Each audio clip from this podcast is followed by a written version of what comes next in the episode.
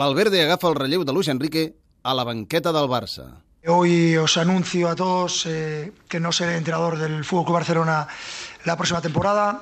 Es una decisión muy difícil para mí, mm, muy meditada, pero bueno, creo que tengo que ser eh, fiel y justo a, a lo que pienso. El 2017 ha estat any de traspàs a la banqueta del Barça. Luis Enrique tanca una etapa de tres temporades com a tècnic blaugrana i Ernesto Valverde es fa càrrec de l'equip després d'haver entrenat l'Espanyol, el Villarreal, el València i l'Atlètic Club de Bilbao.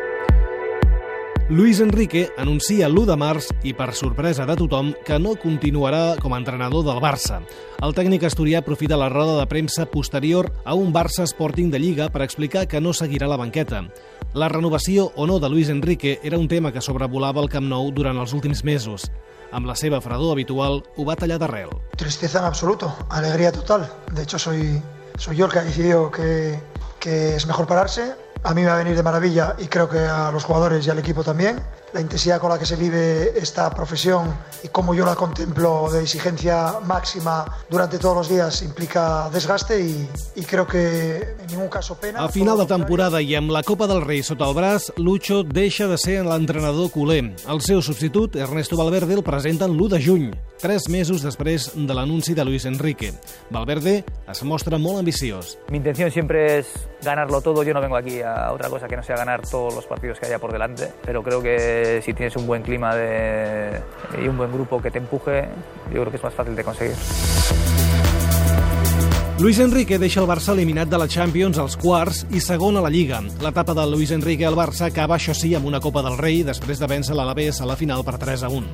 L'Asturià tanca una trajectòria de tres temporades com a entrenador amb nou títols, una Champions, dues Lligues, tres Copes del Rei, una Supercopa d'Espanya, una Supercopa d'Europa i un Mundial de Clubs. Queda en la memòria de tots el segon triplet de la història del Barça el 2015 i moltes declaracions envoltades d'ironia, d'humor, com aquesta, on deixa la porta oberta a tornar algun dia. Igual vengo el día 10 de julio, el primer día que yo os doy una sorpresa, ¿eh? aparezco y a alguno le da un infarto. Pero si algo he aprendido en la vida es que no digas nunca jamás. ¿eh? Yo, esta es mi casa, es el club que más confianza me ha dado como jugador, como entrenador. ¿Por qué voy a decir que no voy a entrenar al Barça? Soy joven, simpático, agradable, Durant aquests tres anys, Luis Enrique ha tingut moments de tot tipus, però el que mai ha faltat és el caràcter guanyador d'un tècnic que, de la mateixa manera que Guardiola, ha acabat fatigat pel pes de la banqueta blaugrana. Justament, Pep Guardiola va tenir l'ocasió de valorar l'adeu de Luis Enrique i l'arribada de Valverde. Una gran decisión. Creo que Luis hizo un trabajo impresionante en todos los sentidos, lo que no solo a nivel de títulos, sino como jugó y la decisión de resto tengo la suerte de que es un muy, muy buen amigo mío. Estoy seguro que lo hará muy bien porque es, es muy cercano y, y és un gran, gran entrenador. El tècnic asturià va deixar moments divertits a les sales de premsa, com el dia en què un periodista anglès es va quedar adormit durant la compareixença i el tècnic del Barça s'ho va prendre amb molt d'humor. Y creo que el equipo ha generado tantísimas ocasiones de gol ante un rival muy replegado en su... Mira, nunca me había pasado un tío dormido en la rueda de prensa. Es la primera vez. ¿Qué coñazo estoy contando, eh? Buenos días, ¿cómo estamos?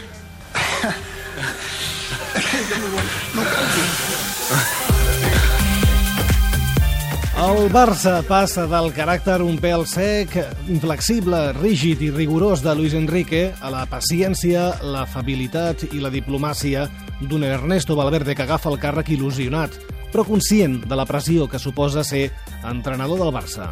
Dije que si cogía un otro club me gustaría que fuera un reto difícil y desde luego este es de los mejores. ¿eh? Bueno, lo conozco porque he trabajado aquí, me tengo que adaptar al mismo tiempo o readaptar en cierta medida. Mi idea siempre es profundizar en, en ese estilo, darle todavía una vuelta más.